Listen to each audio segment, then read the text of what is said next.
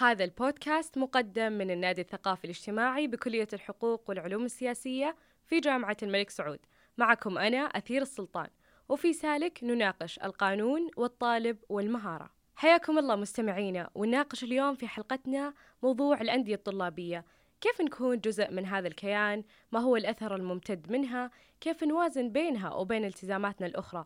مع ضيفتنا العزيزة نورة الحيدر وهي رئيسة النادي الثقافي الاجتماعي بكلية الحقوق والعلوم السياسية في جامعة الملك سعود. سابقا وعضو المجلس الاستشاري الطلابي بكلية الحقوق والعلوم السياسية في جامعة الملك سعود وأيضا كاتبة محتوى قانوني بأحد الجهات القانونية.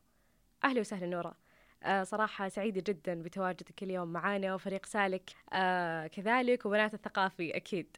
آه طبعا هذه الحلقة يعني مميزة جدا. ومثل ما تعرفين إنها فكرة الحلقة لازمتنا فترة طويلة آه حتى مع التحول اللي صار لسالك والتوجه الجديد. آه والحمد لله إلى أن وصلنا إن إحنا نسجلها اليوم. آه وبإذن الله تكون حلقة مثرية لمستمعينا أصدقاء سالك. حياك الله نورة آه، يا أهلا وسهلا أثير. الله يحييك. شكرا شكرا لك أثير وشكرا لفريق بودكاست سالك.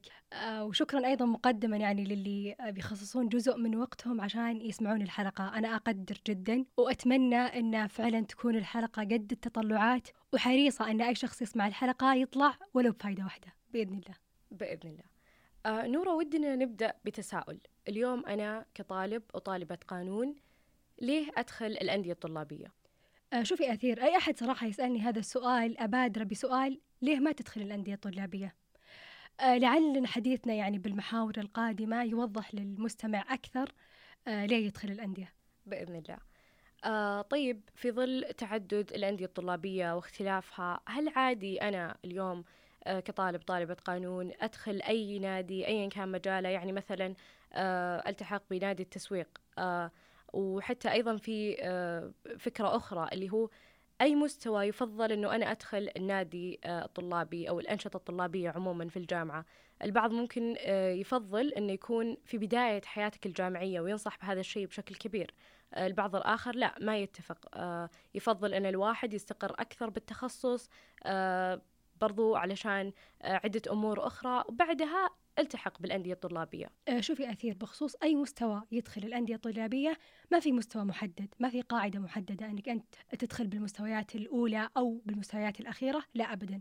يعني الظروف الشخصية تختلف والظروف الدراسية تختلف. ولكن ممكن الشخص اللي صعب يسيطر على نفسه يدخل بعد المستوى الأول يعني ممكن المستوى الثاني المستوى الثالث أقصد من التخصص من تخصص القانون.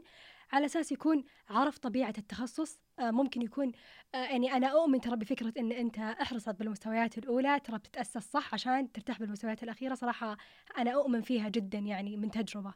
فممكن أنك أنت تدخل من بعد المستوى الأول الثاني الثالث على أساس أنك تكون فهمت التخصص فهمت طريقتك بالدراسة. آه، أما فيما يخص الأندية وإيش تفضل الأندية التخصصية أو العامة هل أنت تدخل مجال تخصصك؟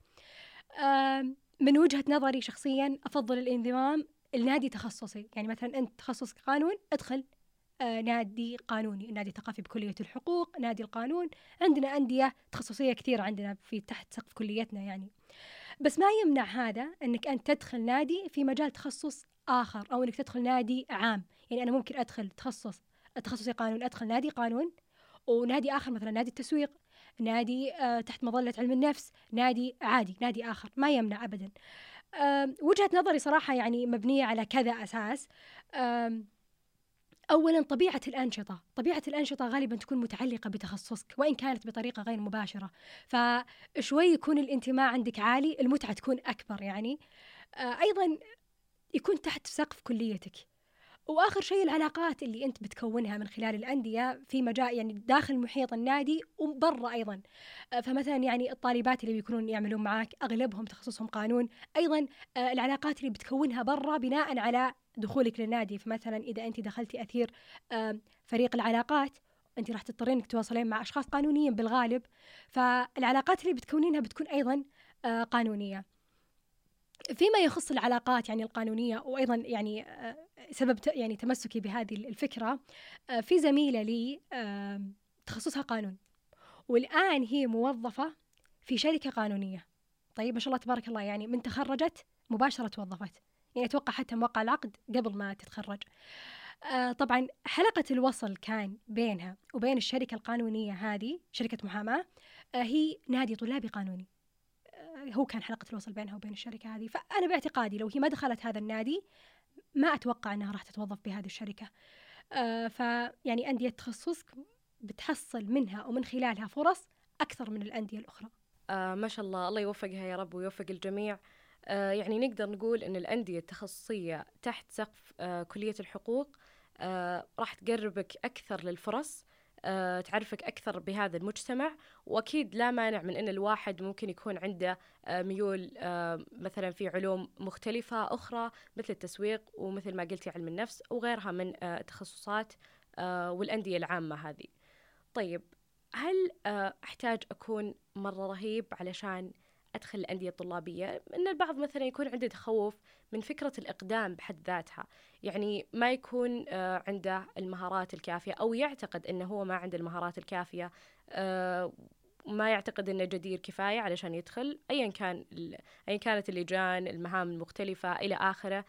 وش كلمتك آه لهؤلاء الأشخاص؟ أو هل فعلا فعلا يعني أنا شخصيا عندي تساؤل شلون أقدر أحدد إذا أنا جاهز إني أنا أدخل هذه الأندية الآن ولا آه مجهز يعني أثير أتذكر طالبة تخصصها لغة صينية كنت أناقشها بداية هذا الترم. وكنا نسولف عن عن تخصص وأنه حديث في جامعتنا جامعة الملك سعود تخصص لغة صينية وكيف الأندية الطلابية لأن غالبا ما تكون البدايات عشوائية قليلا. ف كانت تقول لي أن أنا ما أشوف الوقت المناسب لي أني أنا أدخل الآن نادي طلابي.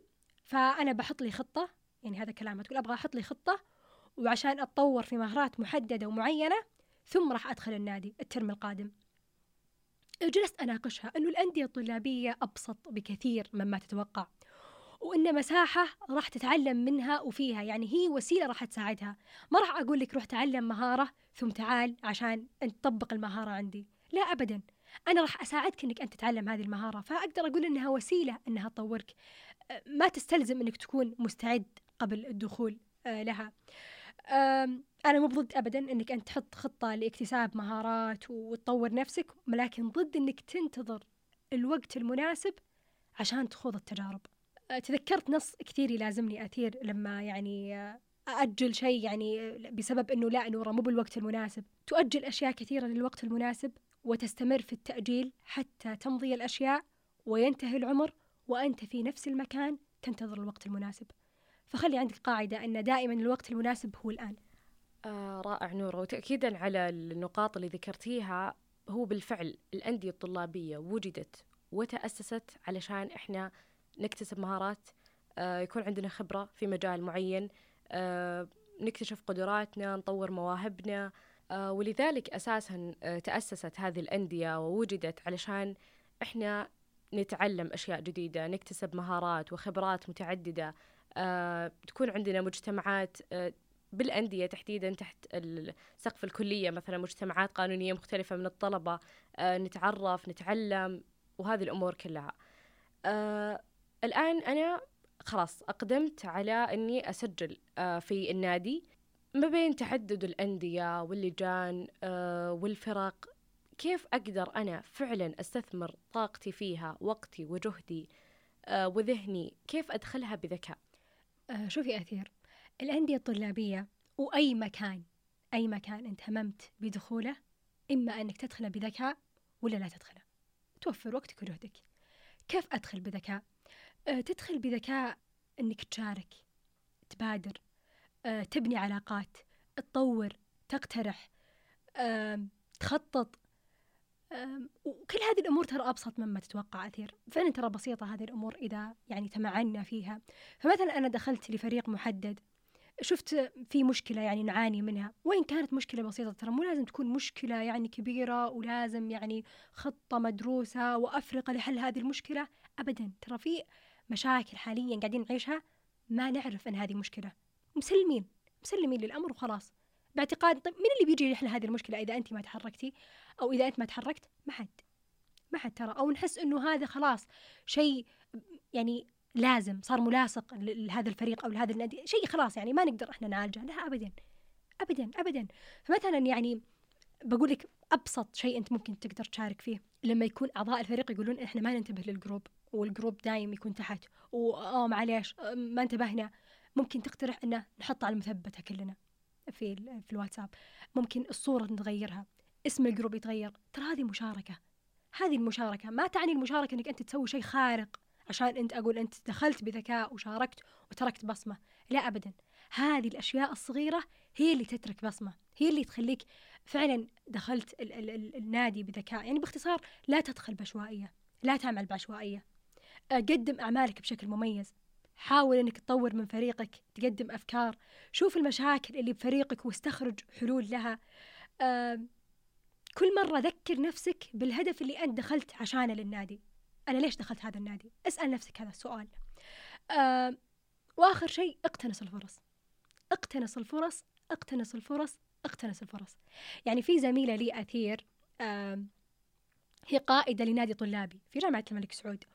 وطالبة يعني طالبة في نفس الوقت آه طالبة حقوق. آه فكنت أسولف معاها وكانت تشاورني بعرض وظيفي آه جاها في وسط هذا الترم. طبعا كلنا نعرف هذا الترم جدا قصير وما تعودنا يعني على الثلاثة أترام وضغط وكل شيء ورا بعض. فكانت تقول لي نورا جاني العرض الوظيفي لكن أنا أحس إني ما راح أقدر أسيطر. عندي دراسة وعندي قيادة نادي وأيضا في نفس الوقت طالبة. فراح تكثر علي المهام وتكثر علي الالتزامات. ولكن قالت لي آه شيء منطقي جدا وأعجبني مرة. كانت تقول أنا يا نورة لو أني بقبل هذا العرض الوظيفي راح أقبله لأنه بيسهل لي الوصول لشيء أنا أبغاه. وهذا هو الذكاء اللي أنا أقصده. آه ما راح أقبله لذاته. فما يمانع أن أن تدخل شيء عشان يكون وسيلة لأنك تدخل لدخول مكان آخر. أبدا ما يمانع. طالما أنك أعطيت المكان هذا حقه أبدا ما يمانع. هذا هو الدخول بذكاء. طيب نورة آه بناء على القصة اللي ذكرتيها لزميلتك الآن لو في طالب أو طالبة آه مروا بنفس الموقف هل تعتقدين أن من الصحيح أنهم يكملون قيادة النادي ويقبلون العرض الوظيفي في نفس الوقت ولا ممكن تعكس عليهم بنتائج سلبية ممكن يفقدون السيطرة ويخسرون الاثنين كلهم؟ وأكيد أن كل شخص لازم يدير أولوياته بما يتناسب معه لأننا مختلفين في النهاية. ولكن ممكن نقول أن مثل ما ذكرتي هي فرص هي وسائل. أحيانا أنا ما أقبل الشيء بذاته ولكنه ممكن يوصلني لشيء آخر أهدف له فعليا. فممكن نقول أن النادي محطة. أحيانا لازم أن إحنا ننتقل لمحطة أخرى. يعني الواحد ما يكون أنا آه خلاص أبمسك قيادة نادي وأيضا بقبل عرض الوظيفي وأيضا أنا عندي التزامات دراسية. مثل ما قلتي في عز معمعة الدراسة والثلاث أترام ف والتزامات الدراسة ما شاء الله يعني كافية. ما يحتاج. آه شوفي أثير؟ لا يكون هدفك فقط تجميع خبرات. وإني أنا أدخل هذا وأدخل هذا وأدخل هذا وعندي كم كبير من الخبرات. لا ابدا. القيمة. قيمة الخبرة. أنت وش تركت بهذا المكان؟ وهذا المكان وش ترك فيك؟ فما راح نقول للكل إذا جاك عرض وظيفي اقبله وأنت بنفس الوقت قائد لنادي أو عندك التزامات. ولا راح نقول لا ركز فقط في هذا الشيء. لا الناس يختلفون وشخصيات تختلف. هذا يقدر يسيطر وهذا ما يقدر يسيطر. ما في قاعدة. أنت شوف اللي يتناسب معك ولكن لا تنسى إن ما يكفيك عدد العدد. ابدا ما يكفيك. دائما تذكر القيمة. أنا وش بترك بهذا وش بترك بهذا وهذا وهذا إيش راح يتركون فيني؟ أه وفي مثل ما قلتي ترى أحيانا تعدد الأشياء اللي تدخل فيها تخليك تخسر. لا تثبت نفسك لا بهذا المكان ولا بهذا المكان وتطلع منهم صفر. لا هم اللي استفادوا منك ولا أنت اللي استفدت. طيب. الآن إحنا طلبة. عندنا التزامات دراسة اللي ما شاء الله أصلا هي بحد ذاتها كافية. وعندنا التزاماتنا اليومية والحياتية اللي كل أحد ملتزم فيها. وفي البعض منهم ممكن يكون ملتزم بوظيفة آه، بمشروع بمبادرة خارج إطار الجامعة. كيف نقدر نوازن بين التزاماتنا هذه والتزامات الأندية الطلابية؟ وإيش الإضافة والأثر الحقيقي اللي ممكن يعطينا إياه آه، النادي؟ آه طيب أثير. أول خطوة للموازنة هي ترتيب أولوياتك. رتب أولوياتك ونظم أعمالك. أحيانا أثير آه كثرة ترديد العبارات تفقد العبارة قيمتها. فإحنا كثير يتكرر على مسامعنا رتب أولوياتك نظم أعمالك. وخلاص يعني وش اللي يرتب أولوياتك؟ هل بترتيب الأولويات تنحل كل مشاكلي؟ هل بقدر أوازن؟ بقدر أسيطر؟ إيه. وين تكررت هذه العبارة؟ ففعلا إيه. إنجازك بترتيبك لأولوياتك وتنظيمك لأعمالك. أنا أتفق مع شقيري لما قال إنه البند الأساسي في تنظيم وقتك هو إنه ما في شيء اسمه تنظيم وقت. في شيء اسمه تنظيم أعمال لأن الوقت هو نفسه 24 ساعة. عند أثير وعند نورة وعند خالد كلنا وقت 24 ساعة. فالمسألة هي تنظيم للأعمال وتنظيم للأولويات. كثير أثير مخاوفهم مثل ما قلتي المعدل وهاجس المعدل. ويعني معدلي بينزل لو دخلت نادي وإلى آخره.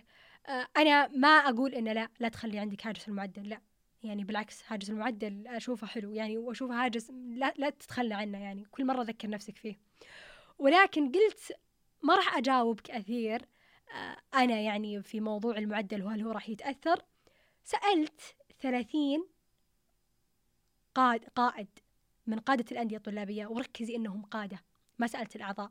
فلما أقول لك إنهم قادة لو القادة ما تأثروا من باب أولى إن الأعضاء ما تأثر معدلاتهم. وترى هذه مو بقاعدة. يعني أنا لما أنا أقول لك النسبة يعني اللي عندي ما راح أقول لك إنه خلاص الكل. ممكن هي بالنهاية يعني فروقات شخصية.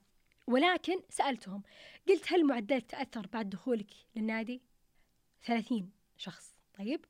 24 منهم قالوا ما تأثر. ما تأثر معدلي.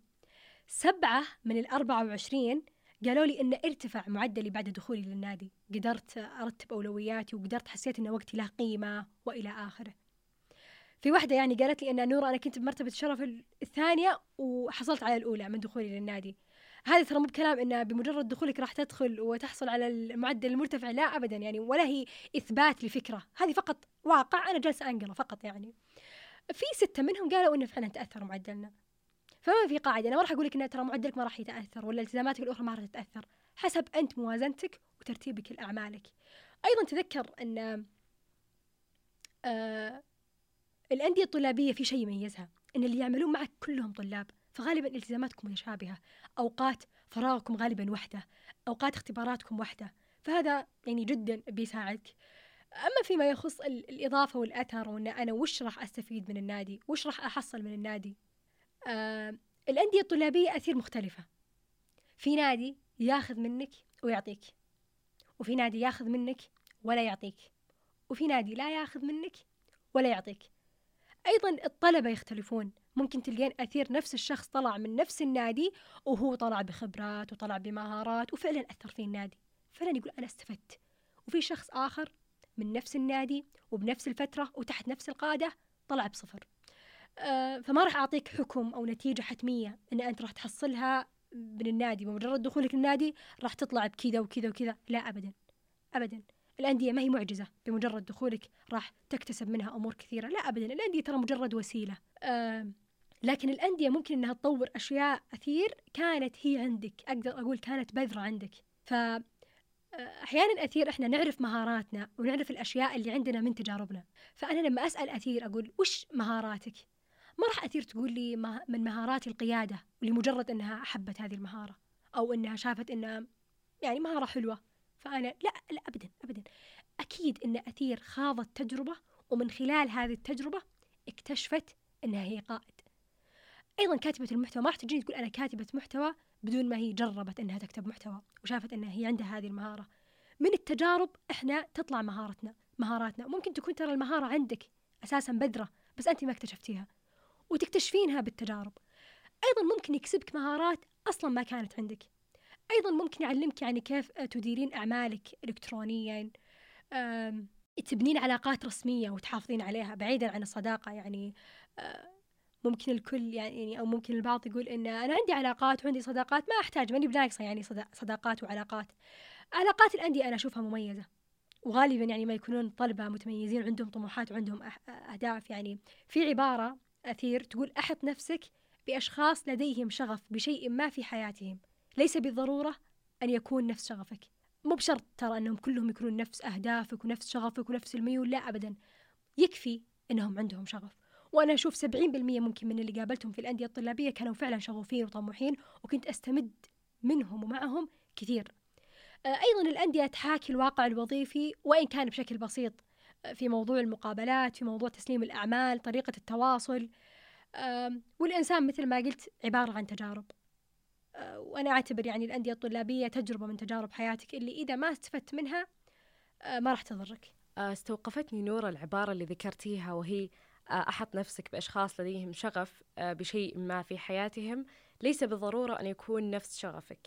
فلو ناخذ هذه العبارة من زاوية بعيدة شوي هل تعتقدين أن مجتمعات الأندية الطلابية تحديدا لطلبة القانون من خلال الحوارات النقاشات اللي يوضح لنا فيها المبهم ونتعرف على أمور كثيرة كنا نجهلها ممكن أن إحنا نختار مسار مهني معين اكتشفنا أنه يناسبنا غير المسار اللي إحنا راسمينه من الأساس. يعني مثلا أكون أنا بخبرتي وبعلمي البسيط راسمة لنفسي مسار مهني في تخصص القانون. خلاص أنا مركزة أن بعد التخرج أنا بتوجه لهذا المسار. لكن لما أخوض نقاشات أتعرف على أشخاص قانونيين من مستواي ومني وفيني آه، أسمع منهم المسارات المسارات جديدة ممكن أنا ما كنت مكتشفتها. أبدأ أسمع عنها آه، أحاكيهم على هذا الموضوع أناقشهم أستشيرهم. هل ممكن أن أنا أتبنى هذا المسار أو فعلا يصير هذا المسار مناسب لي أفضل من المسار اللي أنا كنت مخططته وراسمته لي من البداية؟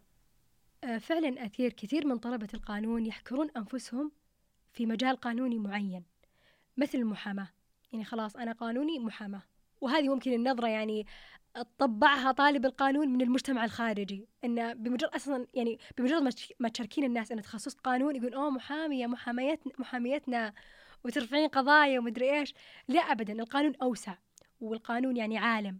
ما أقول إن المحاماة ضعيفة ولا مجال ضعيف لا ابدا ولكن في مجالات أخرى. في مجالات أخرى التفت لها وشوفها. وفعلا يعني ممكن من من الأندية الطلابية من طلبة الأندية وطلاب الأندية وأيضا خارج مجال الأندية وخارج أسوار يعني الأندية آه، تكتشف مجالات لما تجلس تناقش وتحاور. آه طيب نورة امتدادا لجوابك آه ودي أسألك ما هو الأثر الممتد لهذه الأندية؟ هل فعلا يعني بتميزني عن غيري آه من أقراني في سوق العمل والحياة العملية آه حياة ما بعد التخرج أنا الآن تخرجت؟ مو بس حتى من الناحية الوظيفية حتى من آه، الناحية الاجتماعية من عدة نواحي عموما أثرها أيضا على السيرة الذاتية؟ آه، شوفي أثير باختصار الأندية لحالها ما تكفي. أبدا ما تكفي. لا تركز على الأندية وتصب جهدك كله وجهدك كامل في الأندية فقط. في أشياء غير الأندية مهم تلتفت لها. يعني لا توصل للتخرج وأنت ما معك إلا شهادة تطوع من نادي طلابي ووثيقة تخرجك. لا توصل لهذا التخرج وأنت ما معك إلا هذا الشيئين آه الأندية فعلا بتكسبك مهارات شخصية فعلا ممكن تكسب منها علاقات مميزة فعلا ممكن إنها تمدك بفرص. ولكن أبدا ما راح تعطيك خبرة قانونية مهارات قانونية أبدا. فكطالب قانون عندك أمور كثيرة مهم تركز عليها إلى جانب الأندية الطلابية. إذا كنت فعلا آه، تبغى تتميز وعندك أهداف يعني مستقبلية آه، رقم واحد المعدل. حاول معدلك يكون مرتفع قد ما تقدر. المعدل يعني في نظريات مختلفة البعض يقول أن معدلك يكفي البعض يقول لا معدلك مع خبرات ومهارات البعض يقول عادي المعدل يكون ضعيف ويعني أسد هذا النقص في الخبرات والمهارات. لكن أنا شخصيا أشوف معدلك مهم جدا وحاول قد ما تقدر أنه يكون مرتفع. يعني أغلب المفاضلات الآن أثير قاعدين نشوف أنها تعتمد بشكل كبير على المعدل. حتى أيضا لو أنت يعني خطتك بتكمل دراستك حتى لو حاليا ممكن تقولين أثير مو بخطتي أكمل دراستي حاليا. ممكن بعد سنتين تتغير أفكارك وتفتح لك أبواب في مجال الدراسة يعني وتكملين فعلا دراسة فتحتاجين معدل عالي. أيضا المعدل يعني ما يتصحح. إذا كان ضعيف ما تقدرين تصححينه ولا تقدرين تعوضين. خلاص طلعت الوثيقة. خلاص أنا أقدر أقول فات القطار. الشيء الثاني اللغة. اللغة مهم إنك تركز على تطويرها ففي كامبلي يعني تقدر تختار ان مثلا شيء يعني مجال قانوني أو موضوع, موضوع قانوني وتقدر تحاكي الأشخاص القانونيين فيكون حوارك مع أشخاص قانونيين بموضوع قانوني فأكيد إنها بتتقوى يعني من خلال لغتك القانونية. أيضا الشهادات المهنية عند التخرج آه، في الأكاديمية المالية تطرح سلسلة من الشهادات مثل الشهادة العامة للتعامل في الأوراق المالية في يعني جزء هذه الشهادة في جزء منها يخص التشريعات والعملي وجزء آخر يخص العمليات. يعني نقدر نقول إنه نظري وعملي. أيضا في الاختبار المهني للمستشار الائتماني. آه، وفي يعني بمجرد ما يكتبون الأكاديمية المالية راح تطلع لهم سلسلة. شهادات الأكاديمية المالية راح تطلع لهم سلسلة وموضح فيها تفاصيل التفاصيل. أيضا الهيئة السعودية للمحامين طرحت قريبا الاعتماد المهني السعودي للقانونيين وفي مستويات وفيه برامج تدريبية. فمن ضمن المستهدفين لهذا الاعتماد خريجين القانون. فمن الأشياء اللي بتقويك فعلا الحصول على مثل هذه الشهادات عند التخرج. آه، أيضا التدريب. آه، أحيانا كثير يقولون عندك خبرة أنت عندك خبرة؟ أنا أشوف الخبرة ما أحكرها بالتدريب ولكن الخبرة 90 80% منها تدريبك. أنك تدرب بشركة أو مكتب محاماة. أو حتى يعني أثير مو بشرط أنها شركة محاماة أو مكتب محاماة أي جهة أي جهة آه، تضم إدارة قانونية. أنك تدربين بالإدارة القانونية هذه أكيد أنك راح تكتسبين يعني خبرة وتقويك. آه، أيضا الدورات والمحاضرات. الدورات والمحاضرات هذه يعني عندي كلام صراحة كثير يعني يخصها وأتوقع أني بقلب يعني أفضفض. ولكن فعلا يعني لا يكون هدفك الحصول على أكبر قدر ممكن من الشهادات. لا أبدا. احرص على الكيف لا تحرص على الكم.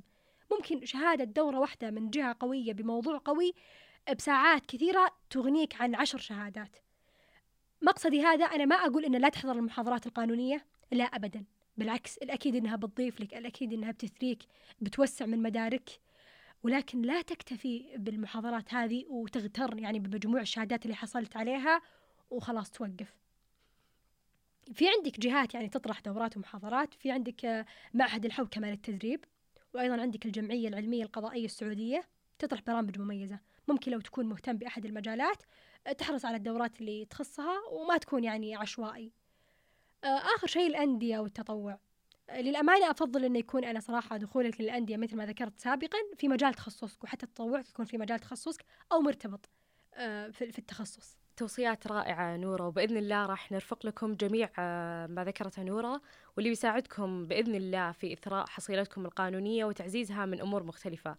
وأيضا عموما بما أن موضوعنا هو الأندية الطلابية آه الأندية عموما والنادي الثقافي آه عندنا يقدمون بعض المحاضرات والدورات بالتعاون مع أساتذة آه، عندنا والمحامين والفعاليات آه، القانونية المميزة. لذلك لا تنسون تتابعوني على تويتر وتفعلون التنبيهات. ذكرتي نورة في توصياتك نقطة مهمة جدا وهي أن الواحد مثلا لو ناخذها من جانب الدورات بما أنه موضوع ودك تفضفضين فيه شوي. آه وهي أن الواحد آه ممكن يركز على دورة أو ثنتين وتكون قيمة فعلا أفضل من أنه يكون عنده عدد لا نهائي من الدورات بدون قيمة حقيقية فقط مجرد ساعات وشهادات معتمدة وهذا يجعلنا نحرص على الكيف للكم. فكيف نقدر نركز على تبني هذا المفهوم بطريقة صحيحة والأثر الممتد؟ آه وما تكون تجاربنا عشوائية بحيث نستهلك طاقات جدا كبيرة بدون ما نركز صح ونستثمر صح. شوفي أثير الكيف للكم أنك تحرص على قيمة الشيء لا عدده ولا مدته.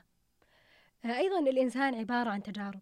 جرب لا تكون دائما منتظر للوقت المناسب لخوض تجربتك. وأحرص على ترك الأثر دائما لا على مجرد العبور. وأخيرا الله يحقق لكل شخص يا رب ما يتمنى وما يطمح.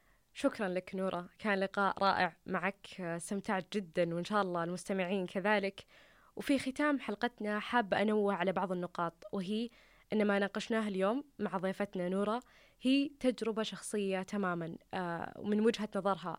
وموضوع الأندية أكيد كل طالب وطالبة له تجربة فيه راح يكون لهم آراء وتوصيات مختلفة.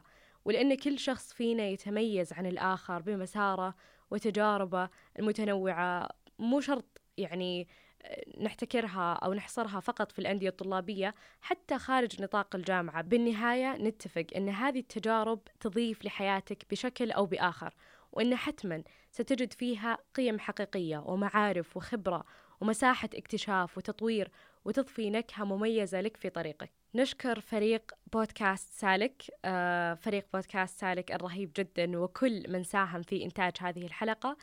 وشكرا لكم مستمعينا. لا تنسون تشتركون معنا بالبودكاست لتصلكم حلقاتنا وضيفوني على حسابنا بتويتر. راح تلقونا إن شاء الله بالوصف. وأكيد نرحب باقتراحاتكم من مواضيع وضيوف على إيميل البودكاست. ونلقاكم على خير إن شاء الله في الحلقة القادمة.